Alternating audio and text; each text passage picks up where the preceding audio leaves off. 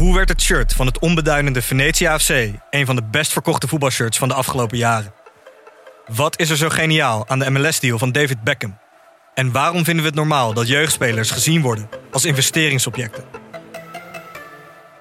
In de podcast Grof Geld onderzoek ik, Sam van Raalte, voetbaljournalist, samen met merkstratege Per van der Brink de macht van geld in de voetbalwereld.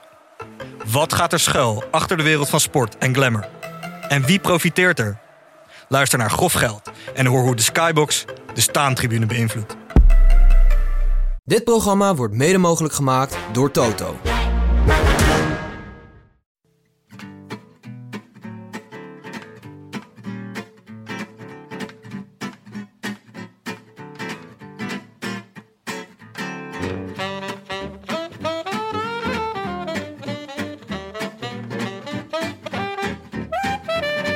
Maandag 14 maart en live vanuit de studio's van Dag en Nacht Media in Amsterdam-West is dit de Rode Lantaarn.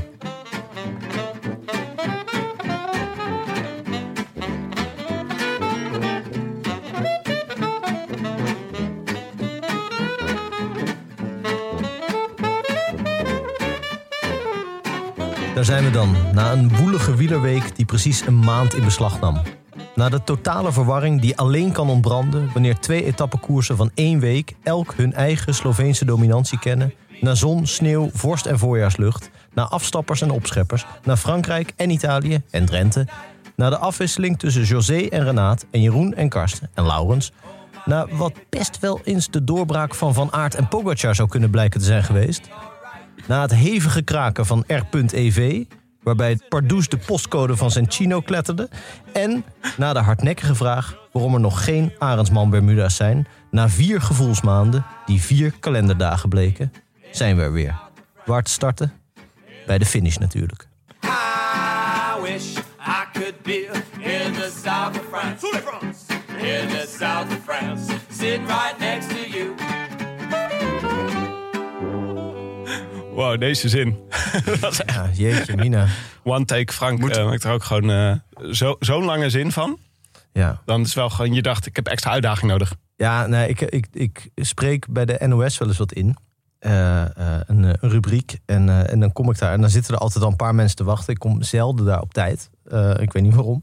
Eh is niet bewust. Eh, maar dan, als ik daar dan kom, dan zitten mensen al klaar. Een geluidstechnicus en, eh, en mijn redacteur. Eh, en vaak nog iemand die er dan bij zit. Ik weet niet. Lichttechnicus of zo. En, Mart Smeets. nee. en eh, ja, gewoon Mart Smeets zit daar nog. Ga dan, ja. En dan, en dan, dan denk, kijk ik naar mijn teksten die ik dan moet inspreken. En denk, oh shit, ik heb het weer allemaal veel te mooi en veel te moeilijk gedaan. Het gaat deze mensen nog een hele lange middag bezorgen. Want ik spreek er altijd acht, acht in of zo. En dat kan soms eindeloos duren. Want soms kan één zin, ik hoef jou niks te vertellen, ben je denk ik, kan één zin echt funest zijn voor je. Oh ja, zeg oh maar, zeker. Je waar kan dan echt over- een soort... Over blijft struikelen. Ja, Oh, ja en hoe wat- vaker je erover struikelt, hoe erger het wordt Oh. natuurlijk. Ja. Ja. Eh, even voor duidelijkheid. Jonne is vandaag op vakantie. Echt waar? Ja. Dus ik zit hier met Benja, Frank en ik, Tim. We gaan- En het is, eh, we kunnen nu alles doen wat we willen. Hè? Een grote chaos gaan we ervan Ja. maken. Heerlijk. En, maar ik realiseer me dus nu dat ik met twee professionele insprekers hier aan tafel zit. Ja. En dan ik, ben ik dan weer de enige die... De, niemand vraagt ooit aan mij om iets in te spreken. Nee, maar goed, jij hebt een timperium, dus ja, dat hoeft ook je hebt je eigen bedrijf moeten oprichten om af en toe nog iets in te Ja, spreken. ja, inderdaad. Moet je kijken hoe, van hoe ver ik moest komen. maar ben jij misschien een goede gelegenheid, eh, nu Jon er niet is. eh, want eh, nou ja, je bent natuurlijk sinds, eh, sinds dit seizoen vast verkering. Ja, heerlijk. Maar eh, mensen, de mensen zeggen natuurlijk ook... eh, vertel ons meer over Benja. na, na natuurlijk eh, de onthulling dat jij Christophe bent in, eh, in eh, Frozen. Is er nog meer? Gaan we het daar, is nog daar wel meer. hebben. Ja, Nee, wat, heb je, even, wat, wat, wat heb je zo al gedaan dit weekend? Ehm, nou, vooral, vooral koers gekeken. Dat is eigenlijk het belangrijkste bestanddeel van Benja Bruining, denk ik. Ehm, en daarna komt natuurlijk het professioneel inspreken. Ehm, maar, ehm, eh, nou, ik heb ook mijn... eh, en, en kijk eens wat ik, wat ik ook nu aan heb. Niet alleen dit weekend, maar ook nu heb aangedaan. Oh, wacht. Ja, ja, ja, ja. Oh, dat was me helemaal nog niet opgevallen. En dan kan ik hem ook eindelijk uitdoen, want ik heb het erg warm, begin ik het te krijgen. Maar ik heb het jasje voor de, voor de luisteraars even. Het R.EV 1703 jasje. Wauw. Heb ik Politievest. is het ook. aan. Met druk. Ik ben een beetje... eh, ja, Krijg je het ook een beetje warm? eh, een beetje warm. Eh, het is een schitterend jasje. Het is echt een schitterend jasje. En eh, ik heb het nu uitgedaan, een jasje uitgedaan. Eh, maar eh, volgens mij doel jij op wat ik net vertelde... dat ik eh, koffie gebrand heb. Ja. Ehm, maar dat is niet heel bijzonder voor dit weekend. Ik eh, drink veel koffie. En, eh, dus ik moet om de paar dagen moet ik nieuwe koffie branden. Maar dit is nu voor jou, eh, dit is natuurlijk ook je werk. Want wiel- wielrenners zijn allemaal verslaafd aan koffie. Dus Ja. jij moet je inleven. Dus onderzoeksjournalistiek ben je. Je moet Ja. je inleven in te veel koffie drinken. Ja, ja nou ja, dat, dat doe ik al een eh, x aantal jaar. Dus dat, eh, dat gaat heel goed. Nou, en te veel weet ik niet, maar ik drink wel veel koffie. Maar, en het is heel erg leuk. Ik brand mijn eigen koffie. Dan heb ik een, een, een la vol met ongebrande bonen. En dan eh En stop dan ik die ergens in. En dan, eh, alleen voor jezelf. nee, Anna drinkt ook koffie. En maar geef je ook geef je dit eh, ik heb weg? vanochtend nog iets weggeven. Ik kan vol, eh, malen jullie je eigen koffie?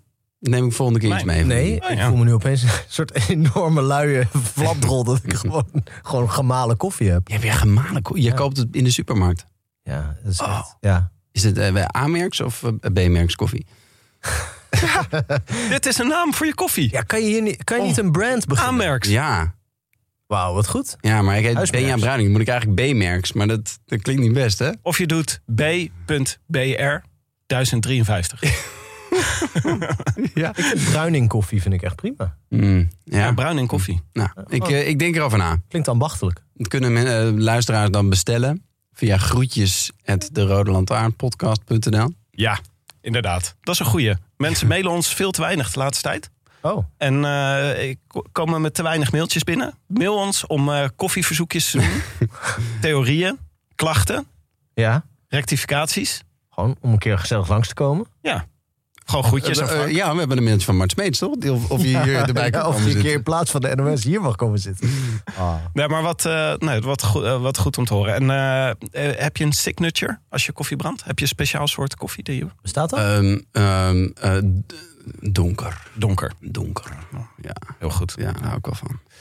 Eh, nou, hebben jullie ook afgelopen weekend eh, nog eh, gekeken naar het afscheid van Sven Kramer en Irene? Nee, Nee, ja, ik zou graag ja zeggen. Nee, ik zou helemaal niet graag ja zeggen. Ik ben blij dat ik nee kan zeggen. Ah, ja. Nee, ik ben geen, eh, ben geen schaatsliefhebber. maar heb ik, eh, ook bij de Olympische Spelen zit jij niet te kijken? Nee. Ook wel echt helemaal niet? Nee, niet Ook uit niet? een soort principe niet. Ik bedoel, als ik, als ik er toe gedwongen zou worden... dan is het niet zo dat ik mijn- mijn ogen dicht doe. Maar nee, ik vind er niets van aan. Ik vind er niets van aan. En, en zo'n afscheid vind ik helemaal terug. Dat Ja, is met geloof ik die niet knuffels op het ijs. Ja. Is dit goed voor onze luistercijfers dat we dit zeggen? Is het, eh, want eh, Ro- Robert de Rijk van de NOS die, eh, stuurt me regelmatig berichtjes. Zegt hij dat er eigenlijk veel meer gekeken wordt naar schaatsen dan naar wielrennen. Doet mij elke keer weer pijn als hij dat zegt. Echt waar? Maar, maar waar, in welke wond gooit hij dan zout? Want, ja, Wat, ma- wat maakt het uit, bedoel je? ja, er wordt ook meer gekeken naar voetbal, toch? Ja. Maar ik denk ook dat het komt omdat het in de winter op tv is. De hele dag. Ja. En in de winter heb je niet zoveel andere dingen te doen. En er zijn meer mensen eh, met minder smaak.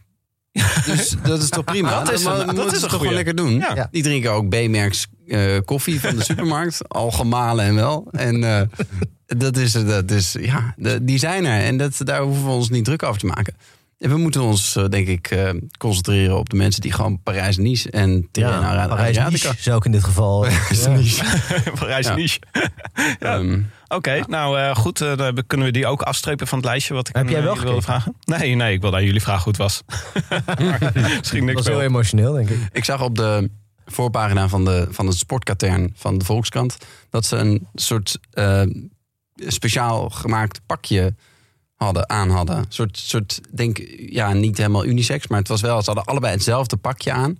waarin ze dan een rondje gingen rijden... terwijl er dan knuffels, er lagen knuffels op het ijs. Dus ik denk dat die op het ijs zijn gegooid door toeschouwers. Ja. Oh, ja. En dat, ik weet niet, ik denk niet dat het spannend was om naar te kijken. Typisch voor schaatsen, hè, dat knuffels gooien. Ja, of typisch voor Tialf.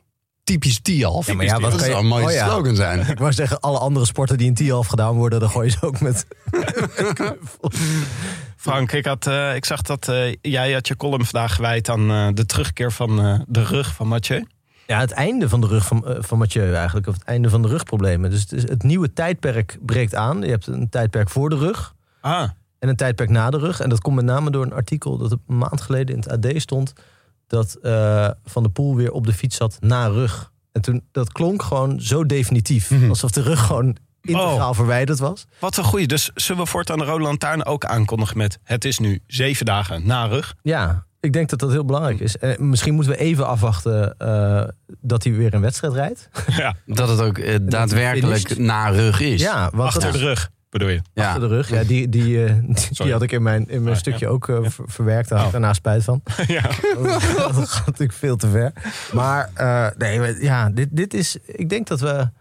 De, dus de verwachtingen zijn hoog gespannen. Ik zag op de, eh, de site van het laatste nieuws stond een artikel over vijf vragen en antwoorden over de rug van Mathieu van Poel en de terugkomst. En ik kon het artikel niet lezen, maar wel de reacties eh, van, eh, van mensen. En waaronder een heleboel mensen zeiden van ja, het is geen computerspel, we moeten eerst nog maar zien. En iemand die zei, het, is, het lijkt me een hele lieve jongen, het zou zo mijn vriend kunnen zijn. en dat was gewoon, dat, had, dat vond ik, toen dacht ik ja, ja, De rug van Mathieu. Misschien alleen de rug. Ja, dat, ik vond ook eh, goed opgemerkt van jou... dat een wielrenner zonder rug weinig voorstelt. Ja, Want je zit de hele dag naar zijn rug te het kijken. is een heel centraal onderdeel. eh, in veel meer dan in andere sporten. Ik bedoel, ik, Maar ook bij Mathieu misschien wel meer. Want ik altijd, je herkent hem gewoon aan de manier waarop zijn rug staat. Hij is het echt zo'n, die, die gekromde Ja, hij is echt rug inderdaad. Echt, ja. Je ziet al die kracht komt uit die rug. Ja. Ja. Maar misschien is dat ook wel het probleem. Want ik denk Ja. ook heel vaak, het ziet er een beetje verkrampt uit. Hoe hij zit met zijn, eh, met zijn schouderbladen. Die zijn soort van... Hij kantelt ze naar voren als hij aangaat. Hij ziet er ook veel te groot uit voor Ja. op zo'n fiets, toch? ja, hij, hij- alsof hij eh, op een, op een kinderfietsje rijdt. en ik kwam dus uit, het, uit mijn bescheiden research... die ik, eh, die ik de afgelopen, of gisteravond eigenlijk heb gedaan... eh, dat hij naar een ruggenspecialist was geweest. Wat ik sowieso een goed, goede term vind. Mm. dan kan ik naar een huisarts gaan, maar dat wordt een zootje. Die, in Herentals zat. En Herentals is de stad van Wout van Aert. Ja. Eh, dat ik dacht, ja, stel je voor dat Djokovic naar de huisarts van, of naar de kraker van eh, Nadal gaat. Ja. Dat hij dan zegt, van, ga maar liggen. En dat je dan, van, doet dit al pijn? oh, doet dit al pijn? Ja. Dat, ja, ik vond dat een hele, vond dat best wel zorgwekkend. Dus wie weet, Ja, dus Eh, uitgerekend daar. Dat is gewoon van alle plekken in de wereld die je kan kiezen om naar een ruggenspecialist te gaan. ja. Ga je naar het dorp van je grootste concurrent. Ja, het kan uh, ruggenspecialist de hoofdstad van Europa zijn. Dat weet ik verder niet, Herentals. Ik bedoel, Rick van Looy kwam er geloof ik ook vandaan, de keizer van Herentals. Dus misschien dat daar iemand zit die echt ruggen prepareert op een niveau dat, waar wij nog lang niet zijn in Nederland. Maar goed, dat, dat, uh, dit allemaal daar gelaten. Hij gaat weer rijden van de poel in, ik dacht in uh, Kopje Bartali. De Settimane Kopje Bartali. Ja, ja. ja, en dan richting de Ronde van Vlaanderen. We hebben Ronde van Vlaanderen meteen op Instagram gezet. Welkom. Uh, Mathieu. En uh, waar, waarna Alpes in Phoenix meteen zei van ja, het is, uh, het is nog allemaal niet zeker. Ja. Ook wel sterk. Gaan zij nu al alle mensen welkom heten die, uh, die ja. deelnemen? Ja, Vind dat ik eigenlijk wel dat je dat moet doen. Nou, hij is wel oud-winnaar natuurlijk. Hè? Dus Ja. dat, vorig jaar tweede. Ja. Het is eh, voor hem, eh, ik denk dat als hij zijn rijtje monumenten zou moeten maken, zou de ronde, de, de liefde is wederzijds. Want bij hem staat volgens mij de ronde ook bij. Denk je? Of nu Ro- Roubaix, omdat hij de ronde al heeft. Ja, dat zou ik wel denken, ja. Ik zou, ja, ik zou het eigenlijk niet weten. Wat, wat eh, heeft hij daar wel eens? Nou, is vast te vinden. Ja, Maar dus hij houdt wel van die steentjes. Hij, hij zegt dat hij daar gewoon heel, heel lekker op gaat. Maar vorig jaar bij Roubaix was hij, eh, dat was die, die super koude, doorregende Roubaix. Dat hij waarin hij gewoon niet meer rug- kon sprinten. Zonder rug fietste hij daar. Dat Ja, was gewoon twee benen en twee armen. Er is trouwens in, eh, in Drenthe is een. los van de ronde van Drenthe, die er dit weekend verreden is, Ja. is een kasseistrookje opgegraven. Hè? Hebben jullie dat gelezen? Hoezo, ze- wat bedoel je daarmee? Opgegaan? Die was een beetje onder de modder geraakt. Ja. En hij is er heel mooi onder vandaan gekomen, schijnt. dit zegt ook veel over de staat van het wielrennen. Gewoon, Ja. gewoon zeg maar, alles waar op gefietst wordt, dat dat opgegraven moet worden. Ja, maar ik dacht, ik dacht oh, hoe he- hebben we dan kans op een soort noordelijke Parijs-Roubaix? De helft van het noordelijke noorden, wordt dat dan? Ja, Maar dat is een strook van 650 meter, geloof ik. Dus- ja, goed, je moet ergens beginnen. Nou, ja, en dan is- gewoon heen en weer of zo? Ja, Het is, Gewoon honderd keer op en neer. ja, hij kan wel in ieder geval in de Rode Lantaarn verrassingskoers Ja. eh, worden opgenomen. Ik vind het wel een leuk idee, want we hebben ook grindpaden in eh, Nederland tegenwoordig. We kunnen echt een soort van soort Strade Bianche Parijs-Roubaix crossover. Alleen nog bergen eigenlijk, hè? Dat, Ja, eh, Thijs Zonneveld schiet niet op ermee. nee. Eh, finish eh, op, de, op de oprit van Nicky Terpstra. hè. Die heeft hem helemaal Hm. bestraat met, eh met kasseien, zijn oprit. oh, ja. Ja. dus dan... Ja, dat ligt in Noord-Holland ergens, toch? Of niet? Ja, ik weet niet waar het ligt. Dat, eh, ik bedoel, het is wel een verrassingskoers. Ja, ja, precies. Ja, nee, dat is waar. Eh Mike heeft ondertussen op weten te zoeken dat het tien dagen na een rug is... als je vanuit het eh, AD-artikel rekent. Oh ja. Dat is, de- is dat je voorstel, Maaike? Van, eh, we gaan rekenen vanuit het AD-artikel. Ja, lijkt me een goede telling. tien dagen. Ja, tien dagen na AD. Ja, dat voelt, het voelt op zich het voelt wel goed. Eh, eindelijk een keer een nieuwe tijdsaanduiding. Ik bedoel, we hebben Ja. een tijd lang naar Christus eh, gebruikt. Ja. Nu ook dat we in dagen gewoon gaan rekenen zou ook gewoon leuk zijn. ja, In plaats van jaren. Oké. Maar jongens, de koers. Wat Of wij niet naar de koers? Ja, ik wil zeker. Ja. naar de koers. ah, joh, de koers. Maar ik wilde graag even gewoon voor de, voor de vorm van deze podcast. Even een lans breken voor. Laten we even kort over de Tirreno praten. En lang over Parijs-Nice. Ik word er helemaal gek van, van dat heen en weer zetten. Is het voor de vorm van de podcast of voor jouw Voor eigen? mij, voor mijn geestelijke gezondheid. Daar was ik al bang voor. Nou ja, over de Tirreno valt eh, ook wel minder te praten qua spanning natuurlijk. Zeker. Even een paar hoogtepunten. Ehm, want we, hebben, we waren er voor het laatst donderdag. Er is nog wel het een en ander gebeurd sinds eh, donderdag. Maar we eigenlijk kunnen we zeggen in ieder geval wat betreft het eindklassement... hetzelfde als vorig jaar. Winnaar Pogacar. Ja. Was het een andere, was er nog iets, was het, was het anders? Was die minder, minder Het overtuigend? was minder spektakel omdat eh, Van Aert en eh, Alef, eh, Van der Poel niet meededen, denk ik. Ja. En Dat is eh, overtuigender, denk ik. Toch? Ik kan, Ja. ik kan me vorig jaar niet meer helemaal herinneren, maar dit was echt nou, toen had je die etappe die Van der Poel won. Die tweede etappe die ja, hij won. in de kou. in de kou. Waar Pogacar ook nog kwam opstomen. En waarbij het heel spannend was op een gegeven moment. Nadat Van der Poel volgens mij minuten voor lag. Ja. Dat het opeens was. Het, hij had toen helemaal rillingen en zo, weet je nog? Ja, ja, ja. Oh, dat, was echt, dat was echt een waanzinnige etappe. En nu was het gewoon heel koud op die K, K Peña, nee, hoe heet die, die, die berg. Ja. En, ehm, en daar reed Pogacar van alles en iedereen weg. En eh, Het verschil was wel echt schrikbarend. afschuwelijk eigenlijk. Ah, dat is misschien ook een van de dingen die we mee kunnen nemen uit deze eh Tirreno. Is dat het verschil tussen Vingegaard en Pogacar is wel groter dan ik gehoopt had eigenlijk. Ik dacht, Vingegaard kan hier toch gewoon een paar keer... Nou, maar vergis je niet, vorige Tour heeft Pogacar ook één etappe genadeloos uitgehaald. Toen reed hij volgens mij drie of vier minuten weg. Ja, ik denk van de eerste alles en iedereen. Ja. ja, Cobrelli die zat natuurlijk nog wel in de buurt. Maar eh, en, en, en, dit was gewoon die etappe. Hij heeft gewoon één etappe waar hij het verschil maakt. En ja, in zo'n koers van een week heb je maar... Ja, dan komen er niet zoveel etappes meer na. Dus ik weet eerlijk gezegd niet of het verschil nog groter is geworden. Weet je hoe Armstrong het vroeger deed, toch? Die ook vaak in de eerste bergetap eh Ja. enorm verschil maken en dat Ja. dan consolideren. Ja, Maar en dan, zo groot was het verschil niet eens toen. Nee, inderdaad, ja. Maar bij Armstrong wist je, dan gaat hij daarna vervolgens verdedigend rijden. Met Ja. al zijn eh, knechten op kop. Hamilton en Hinkepie en zo.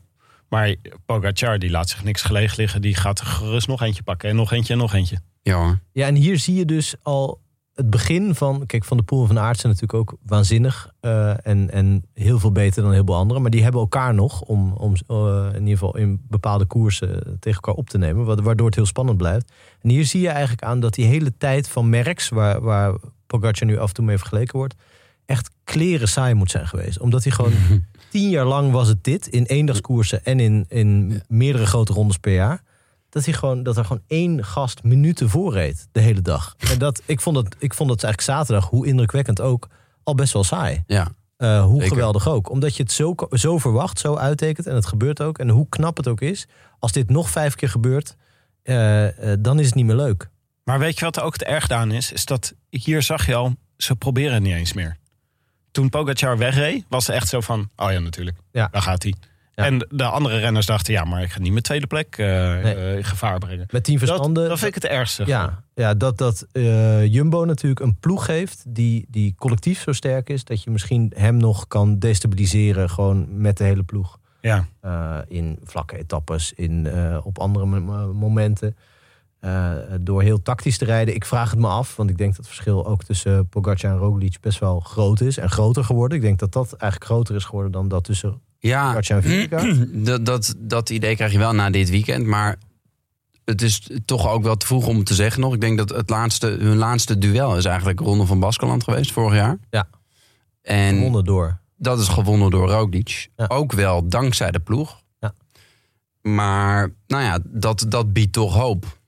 En ehm, ja, maar de hoop komt daar uit die, moet uit die hoek komen. Want het is voor de rest was het hier gewoon... het, hij is zo verschrikkelijk goed. Het En is zo echt. relaxed ook. Het is waanzinnig. Ja, Maar Ja. maakt het jullie dan, het frustreert mij altijd het meeste als niemand probeert om me aan het wankelen te brengen of met hem mee te springen. Ja, maar ja. dat, dat doet me dan echt aan de Ja, Armstrong. maar, maar dat, ja, dat, dat snap ik. En ik en, eh, maar in dit geval, ja, ze eh, zaten allemaal aan de limiet. Dat was heel duidelijk te zien. Eh, Landa die had net eh, twee keer aangevallen. En ze zaten er allemaal op hangen en wurgen bij. En Pogacar gaat, die schakelt gewoon bij. Het is gewoon echt een, andere, een ander niveau. Ja. Dus dan kan je wel denken, ja, ik moet nu voor de attractiviteit moet ik hier achteraan. Maar ja, het is ook gewoon zelfmoord. En waarschijnlijk kunnen ze niet. Ze Nee, konden nee. niet harder. Dus je kan wel zeggen van, ja, Ewan, je sprint me nu uit het wiel. Maar dat is, dat is flauw. Je, als je niet kan, dan kan je niet. Nee. Ja dat, ja, dat is waar. Maar toch dacht je van op dat moment dat het gebeurde. Nu, het gebeurde ook in, op zo'n zakelijke manier. Dit, de- dit vernietigen door Pogacar. Dat je gewoon dacht van ja, maar dit is, is niet iemand die even gewoon ertussen blijft hangen als poging of zo. Het was echt gewoon, niemand kon wat. Nee, maar Maar- dat, volgens mij is zijn vingerkaart ook na afloop van ja, maar deze gast rijdt zoveel sneller. Ik moet, ik moet me op andere mensen concentreren. Al- Als, als meteen duidelijk is van deze, deze man kan ik toch niet bijhouden. Kan ik er wel een eentje tussen gaan rijden. Ja. Maar dat is funest. Ja, maar dat is dus vreselijk. En dan ga ik wel schaatsen kijken, weet je wel. Dan ga ik wel, Ja. Wat doet Oh, iedereen nee. in Schouten komend weekend? Pogacar maakt ons allemaal kapot. We gaan allemaal schaatsen kijken. Oh, jezus. Er zaten wel een paar opvallende dingen tussen. Ehm Tijma Arendsman, zesde. Zo. Ja, sterk. Echt Heel tussen sterk. ook grote namen allemaal. Ja, dat eh, merkte geloof ik eh, de Babbelbelg op. Of, eh, of Kroon. Dat die, die hele top 10, die bestaat gewoon uit eh, podium eh, grote tour. Eh, zo, ik kom hier mooi uit hè. Uit renners die podium hebben gereden in, een- in, in een grote ronde. Dus onder hem Behalve Bilbao, denk ik. Maar dus Caruso onder hem. Pinot onder hem. Bilbao. Chicone. Evenepoel. Oeran. Evenepoel. Ach, Ja, Evenepoel zal toch niet terugkijken op een leuke, leuke week. Ik, ik zal jullie zeggen, ik was, ik was echt blij. ik was, maar, maar Deed je daarom net je jasje uit? Je dacht, Ik heb, daarom heb ik. Nee, ik heb hem. Oh, weet je wat het, wat het leuke is? Hij kan, hij kan nu eindelijk kan hij renner worden. In de zin van. Hij heeft nu gefaald. Nu, kan hij, nu krijgt hij smoel. Hij was ook zelf echt teleurgesteld. Je zag het. Maar hij ging ook niet meer zoeken naar excuses. Hij kan nu. Nu heeft hij smoel. Als hij nu weer wel wint. Dan heeft hij iets overwonnen. Dan heeft hij iets bereikt. maar zeiden we dit ook niet tijdens of na de Giro vorig jaar? Toen hij toch ook wel behoorlijk eh, tegenviel eigenlijk. Ondanks dat hij het best goed deed. Ja, maar toen waren er allemaal excuses. Want toen kwam hij, natuurlijk was hij net half dood. Ja. Sorry. gaat hier Toen uh, was hij, was hij, ja. de taak af hier. Nee, maar we zijn allemaal post-covid, toch? Ja, dat is Ja, ja. mag. Ehm, dat, eh, dat, toen waren er allemaal nog, en daar kwam hij ook zelf mee. En hij had zelf de verwachtingen enorm opgeklopt. En was toen de eerste om te zeggen: ja, maar het was helemaal niet realistisch. En, nu, nu kan hij gewoon, eh, eh, denk ik, ook wat meer onder de radar, zeg maar. Nu is hij niet meer zo op het schild gehezen. Ehm, nu is Pogacar de nieuwe Merks. En hij kan gewoon, dat zegt, zegt zijn ploegleider ook, hè, die, die heeft hem een beetje in, de, in zijn column waarschijnlijk of zo. Ja. Hij heeft die Padlef, die heeft eh, gezegd: eh Pogacar is de nieuwe Merks en niet de Evenepoel. Een soort. Had hij beter voor de contractonderhandelingen kunnen zeggen. Is Maar- dit, eh, is dit, be- bedoelt hij dat om hem underdog te maken? Ja, hij zal er vast ook wel een, eh, een bedoeling mee hebben. En dat, dat lijkt me ook heel verstandig. Dat, dat proberen ze al het hele seizoen. Hè. Daarom laten ze hem pas eventueel de Vuelta rijden en zo. Maar ik denk, ik, het lijkt mij bijna een, een, een bevrijding voor, voor Evenepoel. Want het is, het is hem zo, hij is natuurlijk zo goed. Hij is zo'n goede renner. En het gaat hem dan zo makkelijk af. Ook door het programma dat hij rijdt. En dan kan je alleen maar falen. En nu heeft hij, heeft hij echt. Dit was een soort nieuw examen natuurlijk. Hè? En waren er geen excuses. Hij was gewoon goed. Hij heeft een goede winter gehad. Hij heeft al koersen gewonnen. Hij heeft het goed gedaan. En nu. Hij zal misschien niet winnen van Pogacar. Maar kan hij hem het, het, het, het vuur aan de schenen leggen? Ja. Nee. Zo, maar dus dat- nu gaan we hem zo bekijken in plaats van... dit is een epische strijd tussen Pogacar en Evenepoel. Ja, wat hij zelf ook dacht. Vooraf, volgens mij. Ja. Dat hij, Ja, Padlef heeft dat waarschijnlijk in een paar columns geschreven. ja. op tv gezegd. Maar, Maar het gekke is bij, bij Evenepoel is dat hij natuurlijk, als hij wel goed is... Ik bedoel, dit was natuurlijk best oké, maar, maar voor, voor wat we van hem verwachten... Stelde, was het eh, zeer teleurstellend. Dat als hij, als hij dan wint, of op het WK rijdt... of in die wedstrijden daarvoor, vorig jaar... dat hij echt zo, als hij dan wint, is het ook zo mega intimiderend. Dus Ja. dat, hij, dat hij het peloton dubbelt, of dat hij minuten wegrijdt... of dat hij de hele ronde van Denemarken sloopt of zo. Het lijkt wel alsof hij gewoon een soort onbelangrijke SO... dat hij dan altijd een 10 haalt. Ja, Maar voor belangrijke repetities is het allemaal moeilijk moeilijk. ja, ja. Op- Maar, en en zou dat, zou dat de druk zijn? Of zou het het niveau zijn? Nou ja, de, de, de suggestie van dat het het niveau is... eh, speelt toch wel, denk ik. Mm, ja, zeker. Eh, Ik bedoel, de, de druk alleen, als, als je hem ziet, denk ik... het is niet iemand die ten onder gaat aan de druk. Het is volgens mij iemand die zo zelfbewust is. Zo, eh, ja, zichzelf ook heel veel druk oplegt. Dus dan Ja. niet schrikt als, eh, als er in de krant geschreven wordt... dat hij Tirreno Adriatico moet winnen. Dus, want dat wil hij zelf ook. Dus, maar ik denk dat als je, een- als je hem zou schrijven als personage... dat het voor zijn likability beter is... dat zijn carrière zich op deze manier ontwikkelt... dan als hij nu vernietigend had uitgehaald hier in de Voor Tirreno. zijn likability is dit goud, ja. Ja. Want laten we eerlijk wezen, dat, die, die was kon niet... wel wat gebruiken. Nee, dit had hij echt nodig. En daarom ben ik ook blij. Want het is... Het is Kijk, net als Ola Toivonen, daar moest je dan ook jaren naar kijken. Dat is gewoon niet leuk, weet je wel. Die haat je gewoon. En dan denk je, get verdemme. En als hij dan weer scoort, dan denk je... Oh, Een zinnige vergelijking. Oh, Ja? ja, Toivonen. Ja, vind je ja, ja, ook omdat Toivonen toch echt wel heel hoog staat in de internationale haatlijstjes. Denk ik. ja, ja, ja. hij, nou ja. heeft, hij heeft gewoon pech gehad dat hij voetbalde net toen iedereen in de wereld las over de Targaryens. En hij lijkt gewoon op een Targaryen. Niet is iedereen de las daarover. Niet iedereen las daarover. Oh nee, ben sta ik nu weer alleen? Ja, word ik weer? Ja, nee. Dit gaat over Lord of the Rings. Oh, nee, Game of Thrones, Dat is jongens. een grapje. God. Maar Het is toch een Targaryen? Gewoon, ik weet niet, wat jullie, nee, heb ik hier jullie niet mee? Nee, heb je ons niet mee. Dan moet je Jonne hebben. Ja, ja inderdaad. Nee, dat is ancien regime dit. Oké, dat we... ja, één voor één knikkeren we ze eruit. Maar ehm, eh, nee, de, ja, de, de, de- als stel je voor dat je hem haat en hij is pas, wat is hij, 16 of zo. Hij Ja. gaat nog jaren domineren.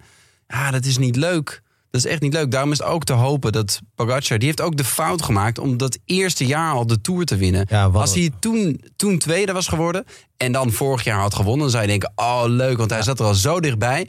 Maar als je te snel te veel wint, dan krijg je iets van...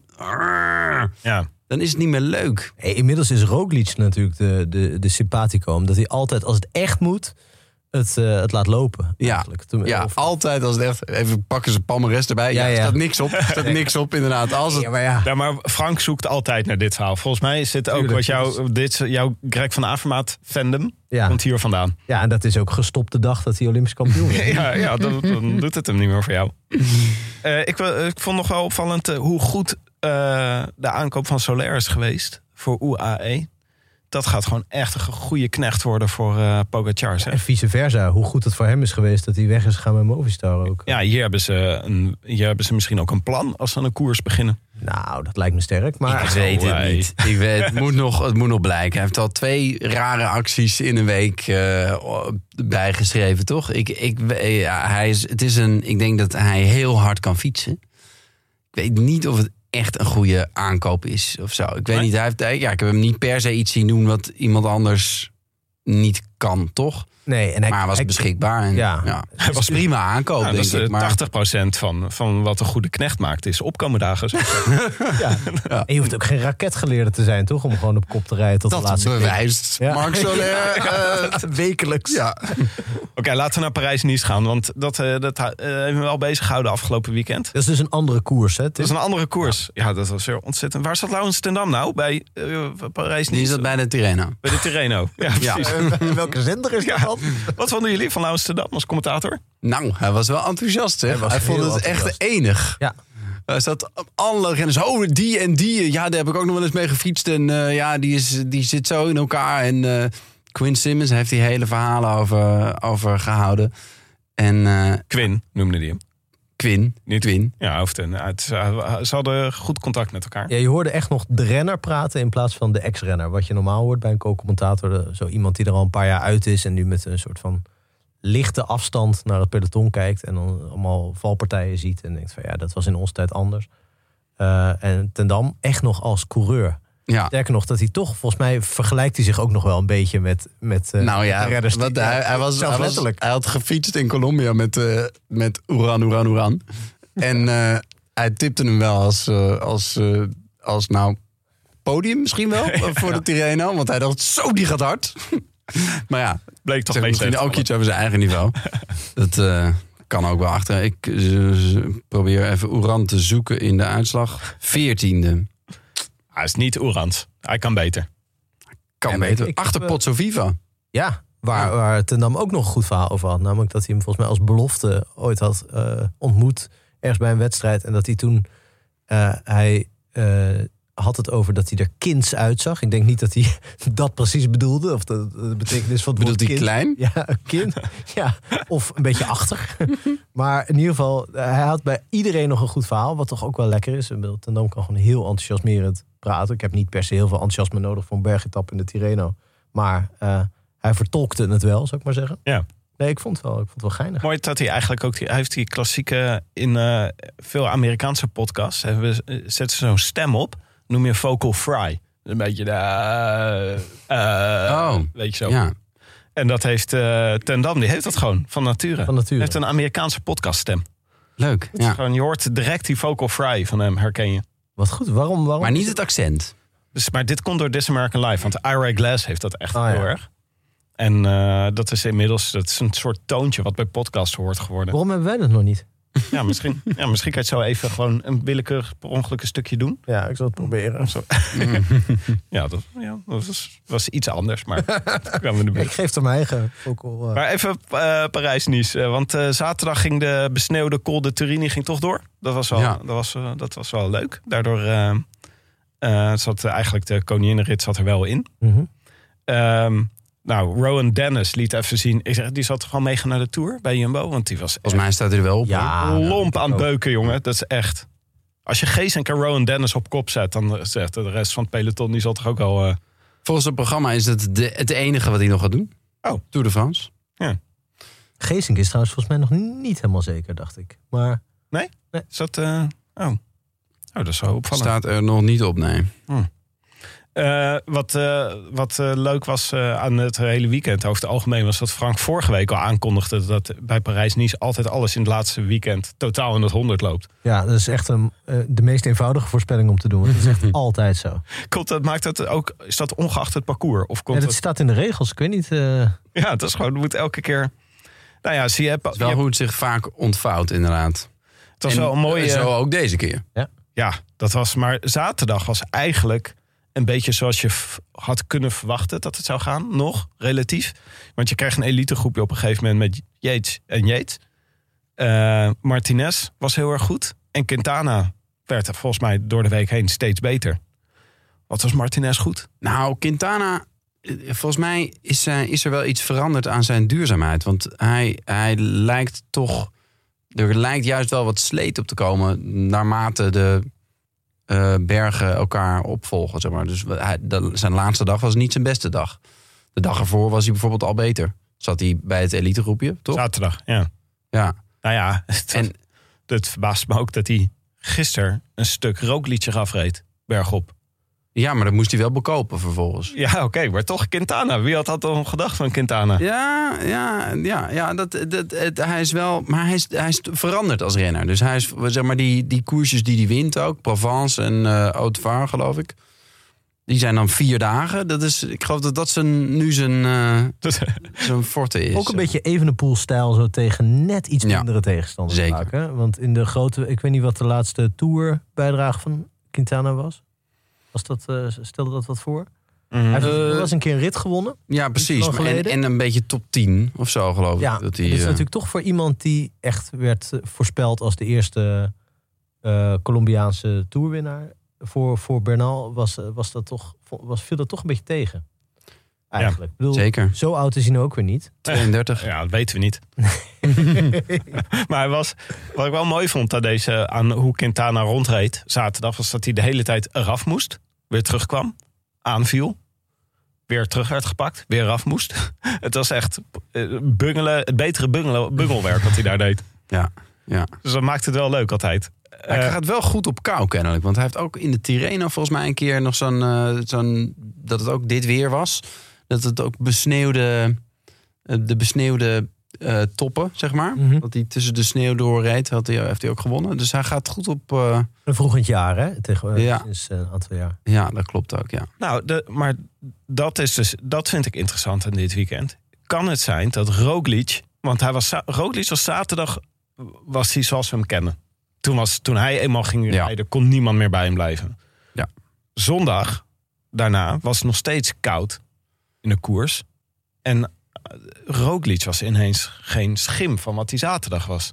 Hij zat te hannissen ook met die, eh, met Ja. die beenstukken, zag je dat? Ja, ja, ja. Ging hij, deed hij die beenstukken uitrijdend. Nou, ik moet er niet aan denken om in een afdaling mijn beenstukken over mijn fietsschoenen heen uit te trekken. Met Ja. één handje aan het stuur. Maar het hoeft ook niet, hè? Waarom doet hij dat nou daar? Nou ja, ik denk dat het ook iets zegt misschien over dat hij er niet zo lekker in zit. Weet je nog dat eh, Van der Poel, die ging ook eh, toen in Harrogate, ah, had hij opeens zijn jasje open en zo. Toen dacht je, waarom heeft hij nou zijn jasje open? En een halve ronde later wapperde hij er opeens af. Ja, misschien dat iemand dan toch een soort zweetaanval kreeg. krijgt Ja. omdat hij niet. eh, maar maar wat, je, wat je. Volgens mij zei José dat ook. eh, van dat hij gewoon. Dat hij toch vaak panikeert op rare momenten, Roglic. Dus hij oogt wel heel erg. eh, cool en collected. En altijd in controle. Maar dat is hij eigenlijk helemaal niet. Hij is, eh, hij is best wel uit balans te brengen, lijkt. Ja, nou ja, zo blijkt. Want ik vond deze hele rit dat je het gevoel had dat hij niet meer onder controle had. En het oogde zenuwachtig. Ik vond het heel raar dat Yates eigenlijk twee keer achter elkaar bij hem wegreed. Bergop, denk ik van... Ja, Roglic keek ook een beetje zo van... eh, ik kan hier niks aan doen, wat gaat hier gebeuren? Ja, maar aan de andere kant, hij- het is duidelijk dat hij niet kon. En ze hebben het tactisch uiteindelijk perfect gedaan, toch? Ze zijn bij elkaar gebleven, Van Aert en Roglic. En eh, hebben op die manier de schade kunnen beperken. Nou, ik weet het niet. Ik twijfelde daar nog aan. Want toen zondag begon het met dat Jumbo reed weer heel erg, deed heel erg veel kopwerk. Liet niemand wegrijden in het begin. Mollema probeerde het nog. Maar Jumbo ging iedereen terugpakken. Dan dacht ik, wat zou hier het idee van? Waar mag je Nou ja, ontsnapping misschien dus omdat ze vorig jaar, en, en wat dus vaak gebeurt in de laatste etappe van Parijs-Nice, dat er een grote groep wegrijdt en dat het niet meer goed te con- controleren is. En dat je dus achterin verzeilt, terwijl er twintig goede renners eh, weg zijn. Waar bijvoorbeeld de nummer 6 van het klassement bij zit of zo. Ja, en het is toch, ze denken Parijs-Nice, laatste weekend. Ja, laten we het maar tot eh, zover mogelijk gewoon gesloten houden. Want het wordt altijd chaos. Laten we de chaos maar een beetje uitstellen tot het einde. Ik denk eh, dat het echt wel een rol speelt. Stel dat er eh, een ploeggenoot van Yates eh, nog in de kopgroep had gezeten. Die hem dan mee op, op sleeptouw kon nemen. Eh, dat laatste laat, nou ja, en vooral de afdaling, Ja. bijtrapafdaling. Ja. Nou was de kans dat er nog een ploeggenoot van Simon Yates voor zat niet zo groot. Want hij was geloof ik de enige renner die nog over was van Bike Exchange. Ja. Want dat is echt een, het is een historische Parijs-Nice. Er zijn uiteindelijk 59 renners gefinished. En eh, wanneer was het... eh, hoe lang was het geleden dat er zo weinig renners gefinished zijn? Willen jullie een gokje doen? In een, überhaupt een koers of in Parijs? In Parijs-Nice? 1950. Twee jaar geleden. 61 renners. Je loopt Ehm, er met, je loopt, je loopt er met pek en veren. Maar dat, was, dat had natuurlijk te maken met corona. Toen is iedereen, dus stapte er hele elftallen, of weet je Oh ja, ja. stapte uit. Dus dat, dat gaat niet helemaal op. Bovendien waren er uiteindelijk dus nog 61. En ik moest terug naar 1985, geloof ik. Eh, toen zijn er, even kijken, 58 renners gefinished. Dus dat is lang geleden. Ja, dat is lang geleden. Dat is voor mij, ik bedoel, dat is voor mijn geboorte. Is Sean Kelly 1950. won. Die won altijd volgens mij. Parijs-Nice. Weet ik niet zeker. Maar, die heeft... Wel, eh, wel drie keer achter elkaar bijvoorbeeld, geloof ik. Ja. maar het, is, het is natuurlijk... Ik vind het een... eh, ik, ik vond eigenlijk, en daarom zei ik dat ook in de intro over de, dit zou eens de doorbraak van Van Aert en Pogacar kunnen zijn. Beetje flauw, maar het is... Ze hebben allebei, ik bedoel, Pogacar heeft dit vaker gedaan. Wat Van Aert nu weer deed, was zo goed en zo indrukwekkend. Dat, dat is eigenlijk nog een stapje erbij bij wat, Ja. ik, wat ik hem in de Tour eens heb zien doen met 15 man over. Dit was, hij was eigenlijk de allerbeste Ja. eh, in die laatste etappe. Dat, Ja, nou. Yates. Maar ja, be- behalve dat, dat Van Aert al anderhalve kol op kop aan het Ja, sleuren was natuurlijk. En dat heb ik Ja. Niet zien Nee, doen. nee, dus ik denk dat hij echt met afstand de sterkste was. In ieder geval die zondag. Die zaterdag weten we niet, want toen heeft hij zich... eh, eh, of nee, heeft hij heeft zich donderdag al op achterstand laten rijden. Ja. Ja. Eh, nou, zaterdag ook, toch? ja. Ja, dus hij heeft wel een beetje pauze genomen. In tegenstelling tot, eh, tot de man in de top van het klassement. Maar hij was zo indrukwekkend dat ik echt dacht: dit, dit is. eh dit is Ook bergop. Ja, Ja, want hij reed eigenlijk gewoon harder bergop dan Roglic. Ja. Maar ja, het verbaasde me dat Yates en Quintana eigenlijk ook harder bergop reden dan Roglic. En ik vind toch een beetje dat het kan gebeuren, weet je wel. Dat het koud is of dat je dag niet hebt of eh, ja, eh, even paniek of Ja. zo. Maar toch overkomt het Pogacar vrijwel nooit. Ik heb het nog niet meegemaakt. En, en Froome en, eh, en Armstrong en zo overkwam het Ja, wel. Froome had nog wel eens een dag dat hij... Die heeft een keer achter Quintana aangereden.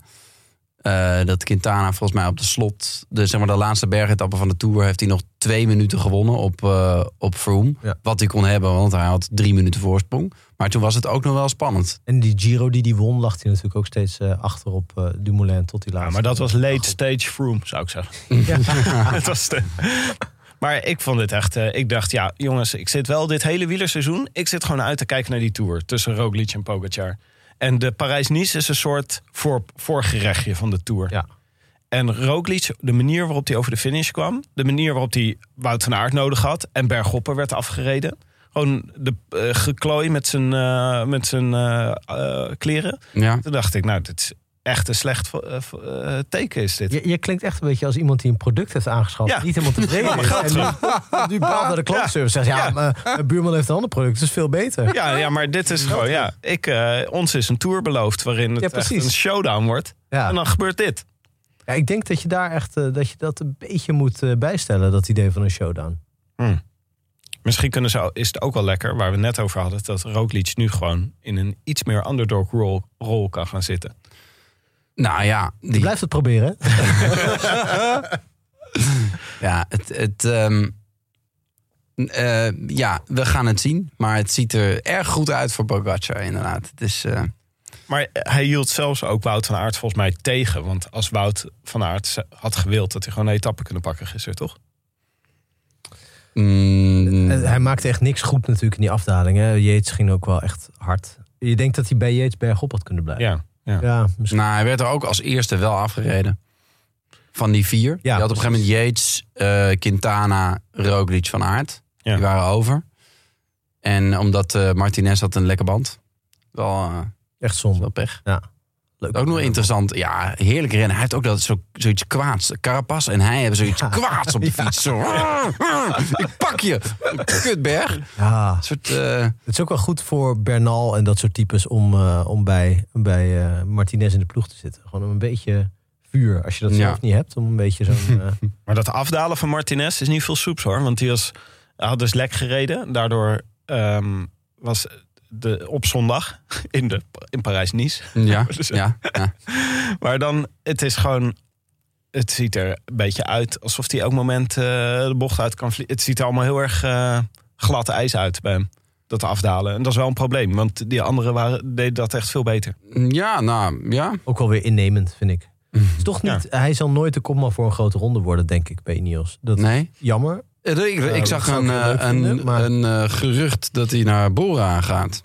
Volgend jaar. Je zijn nu al met over vol- voor volgend jaar bezig. hoor. Dat is wel heel, heel snel. Ja, hoe- regeren is vooruitzien, Maar hoeveel van dat soort types heb je dan niet bij Bora? Dat dacht ik ook inderdaad. Jeetje, Al- ja. Ze allemaal net geen grote ronde nee, wissel er eens drie in voor gewoon Ja.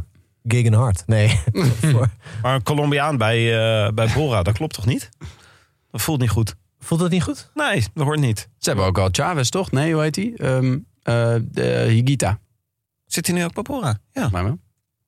ja oké. Leuk. Nou, dat is wel... Ja. Krijg je daar gewoon een Colombiaanse enclave? Dan krijg Ja. je het nog zwaar, Tim. Ja, dit is eh, voor mijn eh, verhaallijn van de protestanten tegen de katholieken in het peloton. Ja. Allemaal steeds moeilijker. maar eh, ik dacht ook nog, eh, zit er nog iets in dat eh, Wout van Aert pakt hier de groene trui?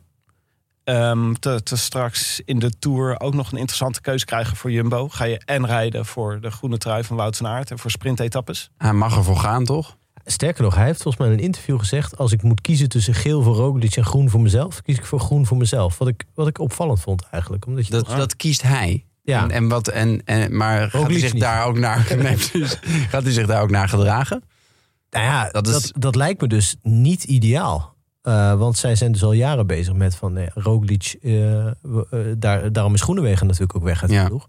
Van, we gaan alleen voor geel. Dat is eigenlijk het enige wat die ploeg natuurlijk nog te winnen heeft. Eh, en waar Marijn Zeeman, wat het grote magnum opus van Marijn Zeeman moet worden. Ja. Eh, ja, ik weet niet of je er dan kan gebruiken als iemand zegt van ja, maar ik wil al eh, eh, morgen in de ontsnapping mee, want ik moet die, die, die tussensprints pakken. Ja. Dat is natuurlijk totaal zinloze inspanning. als, je, als, het, als het je beste knecht is. Want dat is van aard natuurlijk ook. ja, dat is volgens mij een beetje het risico wat Jumbo nu loopt. Is dat ze nog niet de concentratie opbrengen op de gele trui zoals Sky dat altijd deed. Gewoon alles op de gele trui. Iedereen is knecht van de kopman.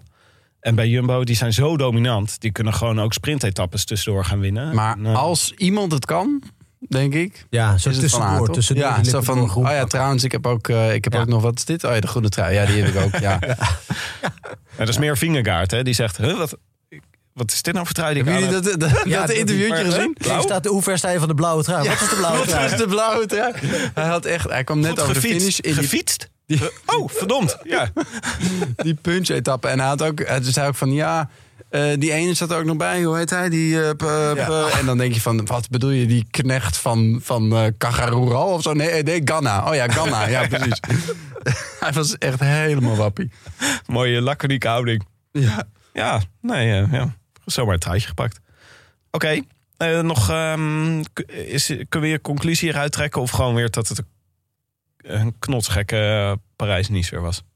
Nou ja, de conclusie is dat eh, één ploeg en één renner, dus eigenlijk twee ploegen en één renner, toch wel echt veel sterker lijken dan de rest op dit moment. Gewoon dat Jumbo-Visma als geheel en Pogacar als individu en tot op zeker hoogte ook wel die ploeg, echt gewoon waanzinnig sterk zijn. Bahrein is ook wel goed, maar dit is toch, zij verdelen echt eh, de Nou, prijzen. ja, geloof ik. Bahrein heeft bijvoorbeeld drie man in de top 10, geloof ik, in Ja. de arena. ja, maar wat die heb je zijn- eraan? Ja, Maar, bedoel, Ploegenklassement. Ja. Het is geen Movistar, dus nee, ja. precies. Ja, maar je hebt gewoon Roglic en Pogacar als soort kopmannen... die zoveel beter zijn dan de rest. Een soort Cristiano Ronaldo en Messi. En dan heb je gewoon... de- je schiet er niks mee op. Om Ik als, vind het eh, wel een leuke vergelijking, omdat je, zeg maar, bij wielrennen zitten we toch altijd, als iemand een, een bovenmenselijke prestatie levert, dan denken we toch altijd, oh, oh, oh, wat, wat zit daar, eh, Ja. wat is daar, wat is daar aan de hand dan? Maar dat is in het voetballen en in een, in een tennis bijvoorbeeld, zijn er ook eh, een paar die er gewoon zo ver bovenuit steken eigenlijk. En eh, En veel meer dan vroeger ook, hè? Want eh, Ja. vroeger was volgens mij het verloop veel sneller. Had je een paar jaar dat iemand de beste was, of nummer één van de wereld, of weet ik veel wat. En nu heb je gewoon al 15 jaar één van drie Ja. gasten die bovenaan staan. Of zo. Ja, we zitten in een soort van verdette tijdperk. Ja, en Messi en Ronaldo zijn eigenlijk pas sinds dit jaar, vorig jaar, officieel niet meer de beste voetballers ter wereld. Nee. Maar tot die tijd gewoon meer dan tien jaar lang. Dat is, echt, dat is volgens mij echt nog nooit vertoond. Eh, gaan we nu ook tien jaar lang Pogacar krijgen? Hoe gaat dat, hoe gaat dat gaan? Hè? Ja, ik heb, ik heb wel de hoop, dat klinkt een beetje onaardig, want hij heeft tot nu toe niks gedaan wat hij, eh, wat, Dat hij valt. wat hij tegen me inneemt. Of, eh, maar dat hij, eh, dat hij een beetje het Sagan-scenario. Want bij Sagan dacht Ja. je ook van dit is iemand die zo lang en zo intens gaat domineren dat er niet zoveel meer aan is. En die, ja, die kreeg een soort quarter-life crisis of ik weet niet wat hij kreeg, maar het was in ieder geval bakte hij er niks meer van. Liefdesverdriet, hè, was het. Ja, onder andere ja. Maar da- daar heb ik toch bij Pogacar eigenlijk ook wel een beetje mijn hoop op gevestigd. Dat gewoon Ja. de uitdaging weg is. Dat als je is keer ook- de Tour wint en een keer wereldkampioen wordt misschien. je denkt, Ja, wat nu nog? Ja, ja. Ga Tot nu toe eh, vertoont hij weinig tekenen van volgevretenheid. Ja, Eh, hij is wel iemand die, die, veel eet. nee, die zo soort van vrolijk en opgewekt eh, altijd door, de, door het leven lijkt te gaan. Dat had Sagan ook. En dat was er ook ineens vanaf dat ik ook dacht van ja, misschien is dit wel iemand die op een gegeven moment gewoon geen uitdaging meer Ja. heeft aan Dan gaat hij, eh, gaat hij misschien schans springen of zo. Ja, niet, is, schans. eh is Frozen ook in Slovenië al uitgebracht? ja. die jongens. Ik denk het wel eigenlijk, ja. Nee, maar, de- ja, maar dat, dat zou kunnen. Of waar ik ook wel benieuwd naar ben, is dat gewoon Pogacar doet het op een andere manier dan we gewend zijn. Namelijk niet met een ploeg die super dominant rijdt. Ja, wordt wel ieder jaar wat sterker. hè. Inmiddels is, is UAE toch een van de drie, vier sterke ploegen Ja. Ja, in het peloton. Zeker in het rondegebied. Nou ja, we, Almeida in Om maar wat te noemen. de Tirreno. Eh, daar deed hij niet mee, ja? Of bedoel je vorig jaar? Wacht even hoor. Nee, dit jaar in Parijs-Nice. Ja, Almeida. heel- heel goed. Juist. Ja. Ja, Wat? Doen ze nou eigenlijk die, eh, die finishtijden? Doen ze dat omdat je dan allebei kan kijken? Dat eh, Ja, dat zou ik wel doen als Ja, ik een van die koersen was. Ja. Maar Almeida was weer langzaam aan het opklimmen. Hè? Want die zat buiten beeld die zaterdag. En we hadden dus verwacht dat hij dus een hele goede zou worden bij UAE. Jonas Poulain, hè? toch? Ja, Ja. ja zeker. En, eh, maar die, was, die reed buiten beeld. En ineens toen bleek hij vlak achter het kopgroepje te zitten. ja, zaterdag was hij heel goed. Was hij dus uiteindelijk de vijfde man in koers. En gisteren was het weer helemaal niks. Was hij, is hij na het, na het eh, pelotonnetje nog binnengekomen. oh, echt? Anderhalve minuut, ja. Oh, dat is Ja. waar. Moest gelijk bekomen. Achtste in het eh, eindklassement uiteindelijk. Ja. Niet onverdienstelijk, maar ook niet eh, wat je van hem verwacht. Je zou, je- ik zou denken dat hij op het niveau Yates, Martinez, Yates had willen zitten. In Ja. elk geval. Precies. Goed, laten we kijken naar de voorspelbokaal. Jingle! Eh, wie hadden wij? Heeft iemand hem goed van ons? Nee. Nee. Niemand had hem goed. Maar ik vind wel dat ik eh, er het dichtstbij ben. Dat vind ik eigenlijk ook, van mezelf. Fra- Frank had McNulty en Pogacar. Ja, ik dacht dus dat tot zaterdag Roglic en dan op zondag één grote... dat hij eh, helemaal in zou storten. Dat is bijna waar. En McNulty was ook waanzinnig. Alleen Ja. die was al eerder ingestort. dus helaas. Die had het, eh, die waaier. Die was toch met de waaier toen helemaal, Ja. was helemaal het honderd gelopen. Wel een schitterende solo. Maar goed, fout. Ja, fout. hij heeft wel ook een eentje. Dat is waar. Ja. Hij heeft ook wel gewonnen. Eh, en Pogacar klopt natuurlijk. En ik had, ja, ik had Roglic. Nou ja, die heeft gewoon soeverein gewonnen. Hè? Die, eh, die had niks op niemand nodig. pijn? Nee. En ehm, hij kwam over de finish en hij kon niet eens, hij kon niet eens van aard bedanken. Hè? Zag je dat? Hij was gewoon allemaal grauw. was helemaal leeg. Ja. Zo ben ik ook wel een keer eh, aangekomen ergens. Maar toen had ik iets voor mij bovenmenselijks, boven Benjalux Ja, gepresteerd. Had ik, Wat, had je, wat dan? nou, Wat- ja, nou? over drie details. Alpenreuzen. De minimarmot had ik toen gedaan. Oh, Dus dan ga je over de Telegraaf, Galibier en de Croix de Fer had ik gefietst. Toen was ik boven. Nou, toen zag ik er ongeveer zo uit als... eh, en dat in, in eh, ongeveer 48 uur. Hè? Ik bedoel, eh, er was niks bovenmenselijks weken, aan. Alleen voor mij was dat op dat moment wel echt het maximum. En toen zag ik er ongeveer zo uit als, als Roglic. Gewoon echt helemaal... Hij kon niks meer. En eh, was dat maar wel, wel te gek hoe diep je dan nog kan gaan... om zo'n overwinning uit het vuur te slepen. Als je zo'n model ploegmaat hebt. Maar goed, maar Dus Roglic, Roglic? Kijk, het was ook pips gewoon. ja. was gewoon Ja. wit, was hij Ja. weggetrokken. Alles, alles, alle krachten uit zijn lichaam eh, verdwenen. Ik dacht dat Roglic eh, de ene en Carapaz in de ander. Ja, maar ik was nog, ik was nog bij mijn, eh, bij mijn Oh, wil je Tirreno. nog even stilstaan bij hoe goed je het had voorspeld? Ja, Poort, Poort. Ja, Poort. duidelijk, duidelijk sterkste man in koers. Ehm, en want ja, is, is Pogacar wel een man? Is dat wel een mens? Dus, eh, en eh, nee, Poort heeft het naar behoren gedaan. En eh, hij Hij kwam vloog in de afdaling. Oh, uit de bocht. Dat. was, dat, nou ja, goed. Ik bedoel, dat moet je maar net zien aankomen als je dat gaat voorspellen. Het Dat overkomt Poort een keer valt. Nooit. Ja. Ja, dat is gek. Maar hij werd daarna even vakkundig eh, om zeep geholpen door, eh door Vingegaard. En, Ja, en- waarom deed Vingegaard dat? Had hij mijn voorspelling, heeft hij iets anders voorspeld? Want hij had er helemaal geen belang bij om Poort nog op achterstand te rijden. Nee, maar bij Vingegaard krijg je echt het idee dat hij eigenlijk geen idee heeft wat, waar en waarom. Dat, hij, gewoon- dat ze gewoon zeggen van nou, stop maar bij de streep. Maar ja, Hij dacht, oh, die, die, deze heeft een rode trui aan. Dat Ja, zal die wel iets betekenen. staan. Die landbouw, ja. Misschien is dat ook het beleid van Jumbo. Het is gewoon zeg niet te veel tegen hem. Nee, Je moet hard gaan. harder. Nee. Laat maar gewoon. Laat maar. Maar Poort vierde, dus uiteindelijk. En al jullie voorspellingen.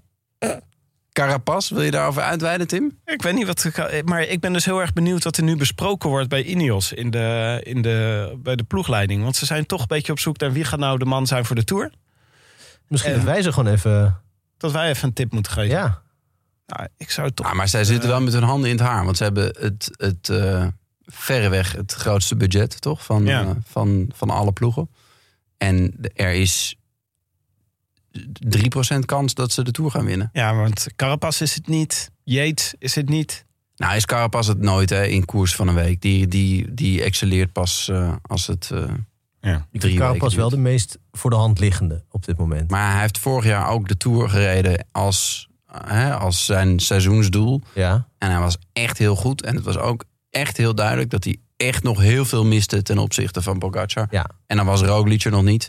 En hij is zelfs achter Vingegaard geëindigd, die normaal nog beter zal zijn. Hè? Die, is, die is jong, dus die heeft die groeicurve meer dan eh Carapaz. ja. Maar geen van de andere Ineos kan, kan toch... eh, Hebben zij iemand die, aan. die, die eh, een eh, realistische eh, poging kan doen voor het podium? Is Toch al, G? Ja, ja G. Ja. Dan moet ik eh, dan wel nog even Gene. Even zien. Maar ik vind Carapaz vind ik eigenlijk ook geen Ineos-renner. Dus je hoort, ze hebben een bepaald type kopman. Die geduldig is en die de hele tijd achter zijn, eh, zijn ploegmaten gaat hangen. En, dan op het juiste moment... op die trapperstand. Nee, nee, Martinez en Carapaz, dat is gewoon te veel, eh, te veel emoties. Je moet emotieloos winnen. Ja. ja. Ja, Mike, hè? Wil jij even nog eh, toelichten... hoe is het eigenlijk gegaan met jouw voorspellingen? Poels en Vingegaard. Ja, ja, ik dacht ik ga toch een beetje creatief proberen te zijn. Dus Poels, een beetje chauvinistisch. Iemand moet eh, Willem Staak overnemen. Maar denk je niet dat het met Poels zo is dat hij gewoon nooit goed gaat zijn... als iemand hem ergens voorspelt? Ja. Dat dat gewoon niet, dat doet Mm. Poels niet. Ook uit principe. Dat doet hij gewoon niet. Ja. aan. Daarom heet hij ook Poel. Ja, Vingegaard, ja, tweede. Nou ja, Keurig. Keurig. keurig. Ja. Ja. Ja, ja, ja. Kijk, als je nou Roglic Vingegaard had voorspeld... dan had jij dit gewonnen, denk ik. Maar dan had Ja. ik een keer het pretpakket van Canyon gekregen. Nou, nee. Nee. Daarvoor moet je het helemaal goed hebben gedaan, toch? Maar dan had je van ons... Kijk, nu zit ik toch... Daar zijn we het toch over eens. Dat ik gewoon er het dichtst bij zit. Met Ja hoor, 1 Benjamin. en 4. is leuk. Je mag hem een keer hebben, want dan heb je ook een keer eh, meegedaan. Ja, want tot nu toe heb ik steeds mensen voorspeld... die uiteindelijk niet meededen. Ja, dat, is ook, dat kan je ook gebeuren. Zo Ik denk dat het wel de laatste keer is dat ik de enige ben die Pogacar in een rittenkoers eh voorspelt. Ja. Thijs Zonneveld twitterde vandaag de eh, lijst met uitslagen van Pogacar sinds die prof is. Eh, eh, einduitslagen in de klassementen van Pogacar. En daar zat geloof ik één. De eerste keer werd hij dertiende, werd nog een keer vierde en een keer zesde. En volgens mij is het allemaal 1, 1, 1, 1, 1. Een hele rij eentjes. Ja, een derde nog in Baskeland, daarna weer 1, 1, 1, 1, 1. Gruwelijk. Ja, echt Ja. waanzinnig. Eh, even kijken, ons, onder onze luisteraars. Ja, we hadden, eh, we hadden wel eh, me- we hadden mensen die het eh, goed hadden. Nou, het was natuurlijk ook, het lag enigszins voor de hand. Maar goed, Ardoise. Nou, als je dit goed hebt, toch? ja, het Ja. is, het is een disqualificatie eigenlijk. Nee hoor, nee, hartstikke goed. Wij- eh, onze, onze luisteraar Ardoisier Déranger, die we wel eens vaker hier in de podcast hebben gehoord, die zei... Je kan allemaal je, wel je best doen om origineel en creatief te zijn, maar het wordt gewoon Roglic Pogacar. En hij heeft helemaal gelijk. Ja. Hij wint het Canyon pretpakket. Doe ons even je eh, gegevens, je adresgegevens toekomen. Ardoisier Déranger. Eh, en je mag natuurlijk de groetjes doen. En we hebben nog groetjes van vorige keer. Hanne Mooi won de voorspelbokaal bij de Strade. Gefeliciteerd, Hanne Mooi. En eh, we gaan even luisteren naar haar groetjes. Beste favoriete bankzitters. Als eerste wil ik jullie bedanken voor jullie heerlijke podcast. Ik ben helaas door een val op mijn hoofd tijdens een wielerwedstrijd sinds acht maanden fulltime mede-bankzitter en jullie geweldige podcast heeft mij door deze lastige tijd heen geholpen. Elke aflevering wees jullie weer een enorme glimlach op mijn gezicht te toveren. Aangezien ik bijna niks anders kan dan naar podcast luisteren, maar helemaal niet zo van podcast hou, was het een uitkomst dat ik een aantal maanden geleden gewezen werd op jullie podcast. Ik wil dan ook de groetjes doen aan Boyd, die mij op jullie podcast wees. En natuurlijk de groetjes aan Willem. Heel goed, Hanne. Wat een Eh, mooie goed. groetjes, zeg. Ja. Ja. Is wel echt een, eh, zijn wel de negen ringen van de hel als je op je hoofd valt. En Ja. je houdt niet van podcast. Het enige wat je kan doen al die maanden is podcast luisteren. Ja, en er nog twee ringen, twee helringen bij krijgt. Gratis gewoon. Ehm, ja, nee, wat, eh, maar wat, wat fijn. Ik zie ook, ehm, dus ze heeft eh, bij een wielerwedstrijd is ze is ze gevallen Ja. op haar hoofd. Het klinkt spectaculair. En hoe, ja, nou ja. Nou Hanne, ik hoop dat het snel beter met je gaat. Wetenschap. Ja, is eh, dan maar gewoon even goed koers kijken om, eh, om even inspiratie op te doen om daar nu weer te schitteren. we gaan het eh, donderdag met Bram Tankink, eh, als het goed is, hier ook even over hebben. Ik ben zelf ook wel eens eh, op mijn hoofd gevallen met het wielrennen. Met een helm? Niet in een wedstrijd. Wel met een helm. Maar ik had ook een hersenschudding. En eh, dat is eh, vrij ellendig. Dus ik leef mee met Hanne. En eh, nou, dan gaan we donderdag dus... Dat is Ah ja. een tip alvast. Ja. Voor Goeie sneak donderdag. preview. Gaan we het, Bram eh, had een met- stuk in de NRC hè, daarover. Ja, klopt, ja. Maar goed, daar gaan we dus donderdag... eh, of ja, wil jij nog... Wil jij vast nog of heb jij een vraag? Heb jij een vraag? Nee, nee, nee, nee. Voor Altijd Bram? vragen aan Bram. Donderdag. Nou, Oh. maar hij heeft toch een vraag voor... Oh, oké. Dan moet hij dan... Of nee, je mag ook... Nee, nee, nee. Ik stuur hem wel in gewoon. Oh ja. Ja, oh, dat lijkt me goeie. Groetjes at de Rode Lantaarnpodcast.nl. Wij gaan voorspellen. Milaan Sanremo. Eindelijk, het seizoen gaat beginnen. La Primavera. Natuurlijk eh, genieten. Fantastisch monument. De beklimming van de Poggio. Daarna nog een kilometer of 15, geloof ik, naar de Ja, finish. sta ik 15 kilometer in de keuken.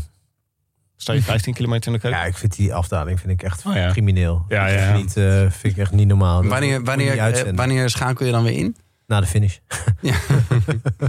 Maar wie eh, denk je dat gaat winnen, Frank? Ik denk eh Pogacar. Gewoon demareren op de Cipressa. Ja. Eh, groepje Oh, dan mee. Eh, Soler waarschijnlijk vooruitgestuurd. Die weet niet wat hij moet doen, maar dat, dat geeft niet. Eh, en, dan, eh, en dan toch ook een levensgevaarlijke afdaling. Mogelijk met Alaphilippe. Maar ik denk dat hij, dat hij solo aankomt. Denk dat hij gewoon te sterk is. Zou, het, het, zou wel, ik, het zou wel spectaculair zijn. Want ja, ik hoop er ook op hoor. Want, want anders vind ik er gewoon... Ja, vind ik de Milaan Sanremo gewoon een koers die je rustig kan overslaan. Ik hoop eigenlijk dat Pogacar... eh, Ja, maar dan, ja, aan de andere kant is dan, is dan alle spanning eraf. Voor Als hij dat wint. Altijd, toch? Ja. Ja. Ja. Of hoop je dat hij daarmee dan decompressie heeft? En dat, dat ja, je dan precies. denkt, ik hoop dat hij nu al komt bij het punt ja, van... ja, shit, dat als ik ik, dit nou, win... moet ik die Tour eigenlijk nog wel rijden? Ja, Oh, dit is, wat- dit is jouw strategie nu. dat Gewoon voor de Tour alles al winnen, zodat hij snel verveeld is. Ja. Heel goed. Bij jou, wie schrijf jij op? Ehm, ik, eh, ik ga voor Ska. Ehm Ska? Søren Krall Andersen. Oh, Oh ja. Nou, mijn Deens is niet wat het geweest is. Prachtig. Ik weet niet precies eh, hoe je dat uitspreekt eigenlijk. Ehm, maar ehm, nou, eh, die eh, zit er lekker in. Die is volgens mij veertiende geëindigd in Parijs-Nice. Terwijl het een best zware editie was qua klimmen. En hij is niet echt een zeventiende. Nou goed, bijna goed. Ehm, en hij is aanvalslustig. Hij vorig jaar eh, zat hij erbij bij die elitegroep. Ehm, waar Stuyven uiteindelijk uit wegreed. Daar poefde hij toen naartoe. ja. En dacht toen, weet je wat? Ik trek de sprint voor hem aan. Ja. en is toen zelf teruggewapperd in dat groepje. En ik denk dat hij, eh, dat hij van deze tactische fout eh, geleerd heeft. En dat hij zich wil revancheren. Dat was zenuwslopend toch vorig jaar. Zo. Want het kwam door hem dat Stuiven wegbleef. Ja, zeker. Ja. Anders hij heeft ook echt gepakt. een heel lekker pakket bonbons gekregen, denk ik. dat ga ik wel vanuit. kan niet anders. Nou, het zou wel gerechtigheid zijn als hij hem pakt dit jaar, toch? Ja, nou ja, gerechtigheid weet ik niet. Maar ik, ik, het zou leuk zijn. ik ben ja. heel erg tegen gerechtigheid in het wielrennen. Ik vind Ja? minder gerechtigheid. Gewoon eigenlijk weer vlak voor de finish sneuvelen. Ja. Dat is eigenlijk wel Dat weer. zou pas echt mooi zijn. Dan valt hij wel in jouw krek van de Avermaat categorie. Dan overweeg ik fan te worden. Ik hoop op eh, Caleb Ewan. Eh, die, was, eh, die, die, ja, die was vorig jaar was hij heel erg goed in Sanremo.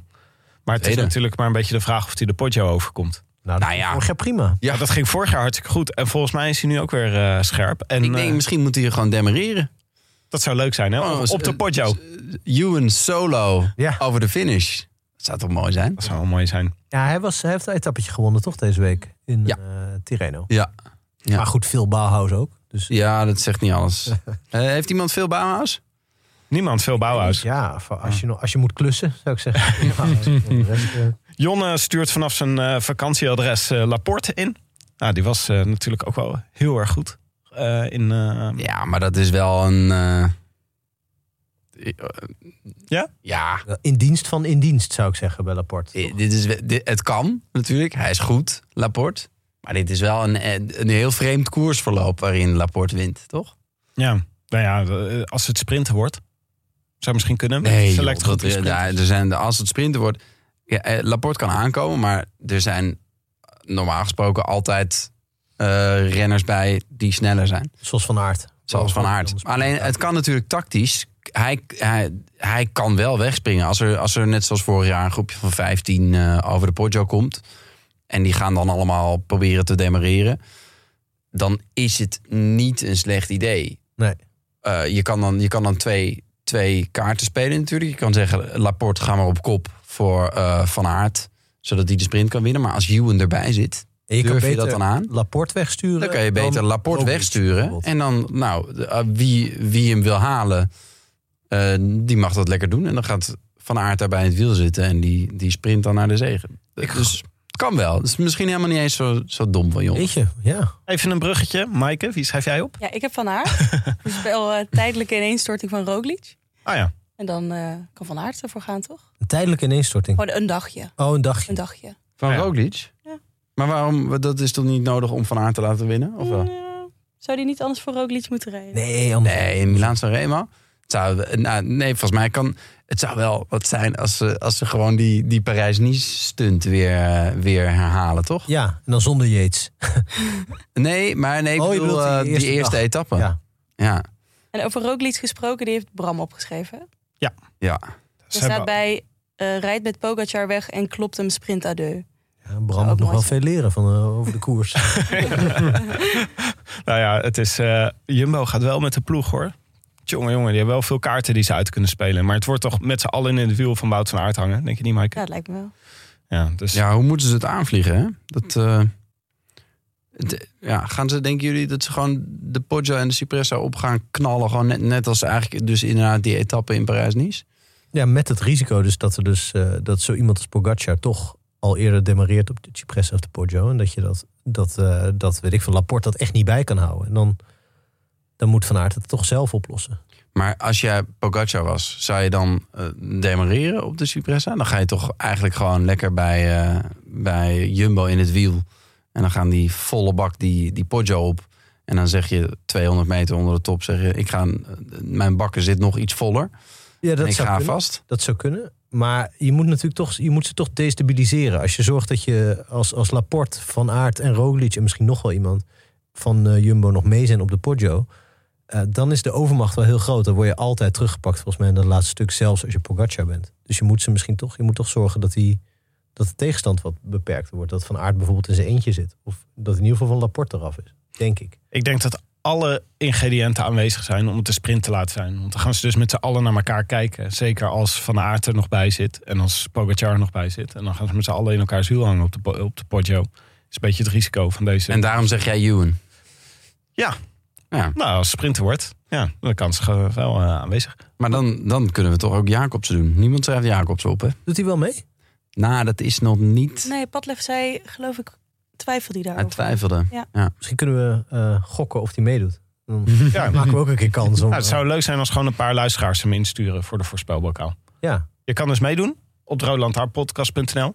Eh als, je, als je het goed voorspelt, Milaan Sanremo, dan eh, win je het Canyon pretpakket. Canyon fiets van de show natuurlijk. En je mag het goed te doen. Stel nou dat Padlef het instuurt. Dat Padlef Jacobs instuurt. Dat zou echt leuk zijn. Ja. Zou wel een tel zijn voor ons. Dat het nog niet op eh, Pro Cycling Stats staat. Ja. Dat we nog niet weten of hij meedoet. Maar dat Padlef bij ons inst- in, instuurt. Dan maken we toch wel een stapje in de wielerhiërarchie, vind ik. Ja, Hij is toch wel een beetje de gedroomde gast ook voor onze podcast. Is dat zo? Echt leuk om, eh, om hem een keer in de... dan moeten we wel een natje hebben, denk ik. Ja, zo vergroot je de kans En, niet. en Nou ja. suikerbommetjes om de hypo's tegen te gaan. Oké, laten we nog even kijken naar de post. De post, de post. Wat brengt vandaag de post? Een vraag van Mark Schippers. Die vraagt aan ons, moet Kruiswijk mee naar de Tour de France? Ja, moeten, niks moet. Als hij niet wil, dan denk ik, ja. eh heeft hij al, heeft wel eh, een contract natuurlijk. Maar ehm, ja, ik weet niet. Eh, eh, je bedoelt, als, wat, wat moet de ploegleiding doen, hè? Ja, ik weet het niet. Hij, hij kwam er een beetje doorheen. Hij is nog gevallen in, eh, in de tweede of derde etappe of zo. Tweede, geloof ik. Ja. Het grote voordeel is denk ik dat hij inmiddels echt knecht is. En dat hij zichzelf daar ook wel... eh Waar zat hij nou? Hij De heeft- Tirreno, toch? Tirreno? hij zat in een van de twee. Een van de twee. Hij zat Ja. in Parijs niet. Parijs is, ja. Toch dat hij... Ik denk niet dat hij zelf nog in zijn hoofd heeft... dat hij nog een keer podium in de Tour gaat rijden. Op, hij, heeft eh, zo, hij heeft niets laten zien op, eh, in uitslagen wat daarop duidt. Nee, maar je hebt natuurlijk van die renners die nog, die nog lang leven in het verleden of eh, met hun eigen grootste prestatie. Ik denk dat hij zich wel, nou ja, goed dat hij zich realiseert wat nu zijn plek in de ploeg is. En dat als hij naar de Tour wil, dat dat dan volledig in dienst is vanaf dag één. Ja, Ik weet niet of hij zich dat realiseert. Want ik heb Kruiswijk gewoon nog nooit een overtuigende kopbeurt zien doen. Het is elke keer een beetje zo van... Ja, Ja, ik doe wel even kopwerk, maar ik hoor je niet, jongens. Dus maar. neigt naar niet meenemen. Nee, ik zou hem niet meenemen. Ik zou hem eh, kijken. Misschien is hij wel goed, goed voor een eh, koers van een week nog ergens. Zo, dit, dit klinkt echt... Dit is weer zo'n product wat jij hebt aangeschaft... waarvan je zegt, eh, ja, je kan het gebruiken om de, de ramen mee te zemen. Oh, nee, nee, ik ben, wel, ik ben, eh, ik ben altijd fan geweest van Kruiswijk. Maar ik weet niet wat momenteel zijn rol in de ploeg is. Dus ik ben wel benieuwd hoe dat... eh, hoe Hij dat- staat er wel op, hè? Ja. Voorlopig. Ja. Volgens mij eh, gaat het nog voor, om twee plekjes. Ja, Geesink en Teunis zijn twijfelgevallen. Geesink? Teunissen en ja, Laporte. Oh ja. Zou ook niet gek zijn natuurlijk. Ik denk dat, het, dat, dat Laporte en Teunissen hebben heel erg hetzelfde profiel, denk ik, voor... ehm, voor eh, ja, voor, die zijn namelijk, die kunnen gewoon in de vallei, zeg maar, kopwerk doen. Ja. En die kunnen de sprint aantrekken voor Van Aert. En misschien dat Laporte nu een streepje voor heeft. Ja. Dus, dus werk aan de winkel voor de vriend van de show. Maar sowieso op de lijst staan dus eh, Rowan Dennis, Vingegaard, eh, Wout van Aert, Roglic, Kruiswijk en Koes. Kruiswijk en Koes. Maar goed, En- die zijn dan- natuurlijk niet allemaal fit eh eind Nee. juni, denk ik. Toch? Nee, nou ja, ja, nou ja, dat weet je nooit natuurlijk. Maar En de UAE, even voor de record, gaat, eh, heeft nu op de lijst staan McNulty, Maika Soler, George Bennett. Pikant. ja, En Pogacar. Dus dat is ook al een aardig, eh, aardig ploeg. ja. Is, je gaat hem niet makkelijk isoleren meer. meer eh, Nee. dat moment, Nee, moment is wel geweest. Nee, ze- ze- ze- zijn, zijn zwaktes, zijn eventuele zwaktes worden allemaal uitgegumd. Ja. Ja. Wordt, eh, Dat saaie zomer. en, eh, ja. Ehm, een andere vraag die er binnenkwam. Eh, en puntje, puntje, puntje, puntje. Is We hebben niet echt een bevredigend antwoord kunnen geven, denk ik, toch? Aan, aan eh, Mark Schippers, of wel? Eigenlijk zeggen we toch Zeggen we nee? nee? Ik dacht Zeggen we nee gewoon? gezegd nee. Zo word ik even over. Maar hij staat er al op. ja, ja, Frank? Nee, ja, ik denk, eh, ja, ik denk dus dat hij eh, als, als knecht prima voldoet. Ja, ben benieuwd. Maar moeten vind ik gewoon. Ja, moet is hou ik gewoon niet zo van. Nee, dat is een goeie, goed punt. Ehm, is Martje, Mathieu Bourgodot al uitgenodigd voor Dispuut Uilenbal? Vraagt Sietse op Vriend van de Show. Dispuut Uilenbal zijn natuurlijk de renners in het peloton die je bekakt kan uitspreken. Nou, Bourgodot. ja. Zo. ik, eh, ik, zou, hem, eh, ja ik, zou, ik zou het wel doen. Dus niet, of Bourgodot? Ik vind het wel een eh, lekkere... Hey, Ja. BVO voor Bourgodot. Ja, het, is, wel- het is inderdaad wel... Het was wel of wachten sprint was dat, toch? Nou, ja, hij is, hij is dus een nieuwe Alaphilippe Light. Een nieuwe De- Brent de- van Moer. Nee, De ja. Alaphilippe Lights, die, die, die schieten als paddenstoelen uit de grond. Het is, hij heeft een baardje waar je helemaal misselijk van wordt. Het is echt gruwelijk. Het is een soort, dus hij is in alles een, een wannabe eh Alaphilippe. Maar oh, ja, het is niet om aan te maar gluren. met zo'n baardje kom je ook de soos niet binnen, denk ik, toch? Nee, Jonne wel- die zegt vaak, ja, het is niet te beffen. Maar eh, het- ja, Dit was... Oh, nou, de pratende kut is, eh, ja. Nee, het- ik vond het echt, eh, echt, echt pijnlijk om te zien. Maar Ja. een leuke renner. Nee, is Dat wel. Je moet, je moet hier een lijn durven trekken. Ik ben blij dat je dat doet, Benja. Ja, nou, hij heeft ook een lijn getrokken. Eh, Midden over zijn gezicht. Ja. Midden zijn baardje. Enfin, eh, we hadden al gezegd, hè, mail ons eh, vooral op groetjes.rodelantaarnpodcast.nl. Hoe gaan we dat? Ja, het was een beetje een, een aanmächtig eh, pleidooi wat we daar gehouden hebben. Ja, stuur ons post. Ons post, alsjeblieft. Nou ja, dat zou, eh, vinden we gewoon leuk. Ik moet nog even mezelf rectificeren. Oh. Over de na-rug. Ik zat een eh, maand abuis. Ik dacht al 10 dagen, hij zit al langer op de fiets. Ja. Ik heb opnieuw geteld, het is 28 dagen Zo. na rug. Als we nu al in de war raken met die telling. Ja, nee, maar daarom dacht ik, Hoe het kan moet dat nu- de komende 2000 jaar dan? Nee, maar ik dacht, het moet nu even goed. Ja. Vanaf de nieuwe telling. Mensen, 28 dagen na rug. Pas je Ja. kalender erop aan. Eh, goed, dat was het. Dank aan onze vrienden van de show. Eh, dankzij jullie kunnen we de podcast maken. Een warm welkom aan onze nieuwe vrienden. Bram Strada 13. Takkentijger. Oh, dat is een, ja, dat is een eh, Shout-out naar uh, Mikkel. Ja, die had een goed weekend. Ja. Die was eh, te- erg tevreden met zichzelf. Joost Maliepaard en Maarten Bijnen, dank jullie wel. Wil je ons ook steunen of gewoon een berichtje sturen? Website surf dan naar de Rode Lantaarnpodcast.nl. Eh, veel dank ook aan onze sponsors eh, Canyon, de fiets van de show. Auto.nl voor de auto van de show, de Kartjelara. En natuurlijk onze vrienden van onze heimaat, het is koers.nl. Wij zijn er weer donderdag. Eh Benja, dan gaan wij, eh, in, eh, gaan wij om de tafel zitten met eh, Bram. Ik denk dat we dan met de Cancellara gaan, of niet? Hij komt hierheen. Oh nee, hij komt hierheen. Ja. Ja, ga Bram Tankink, helemaal naar Amsterdam. Dus dat wordt eh, geweldig. Ja, dan moeten we wel extra welkom, eh, moeten we extra welkom laten voelen. Ja, hoe gaan we dat doen dan? Worstenbrood. Worstenbrood? Zullen we worstbrood voor hem halen? Zonder saus. Dan hebben we niet een, een natje, maar een... Droogje? Een droogje? Een droogje. Ik denk dat u dat leuk zou vinden. Maar dan kunnen we lekker in de microfoon smakken. Dat vindt Jonne ook leuk. Ja, dat gaan we gewoon doen. We kunnen gewoon de ruimte nemen. Want hij is er weer niet. Hij is nog steeds op wintersportvakantie dan. Ja. Zaken gaan goed hoor. Dank, dankjewel, Benja, Frank, Maaike, a biento. A biento. Tot de volgende. A biento. I wish I could be in the south of France.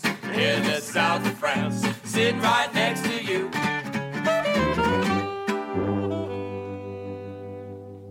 Er komt dus nog steeds heel weinig leuke post binnen. Ja? Zullen we onze luisteraars even kritisch aanspreken? Ja. Oproepje? Ja, gewoon zeggen jongens. We willen Niet post. alleen wij zijn hier aan het presteren. Ja. Jullie ook. Moet een soort code boswachter-show-achtig moment. Ken je dat? Ik vind, Ja, dat- ik vind ook... Wat deden ze ook weer? Ja, de, de, de vriend van code boswachter was Anton Gleuf. Die was postbode. En die altijd... Ja, Kun je deze zo meteen ook Ja. even... De, Ik zet hem bij post. Dat we meer post willen. Dat willen we post. Zo'n zielige, zielig verzoek. Maar de- Stuur ons iets. Misschien komt het omdat Willem er niet meer is. Dat mensen ineens niet meer denken... ik ga woedende brieven sturen. Of ze sturen brieven naar Willem. Ja, was je er nog maar. Ancien regime. At Ja. de Roland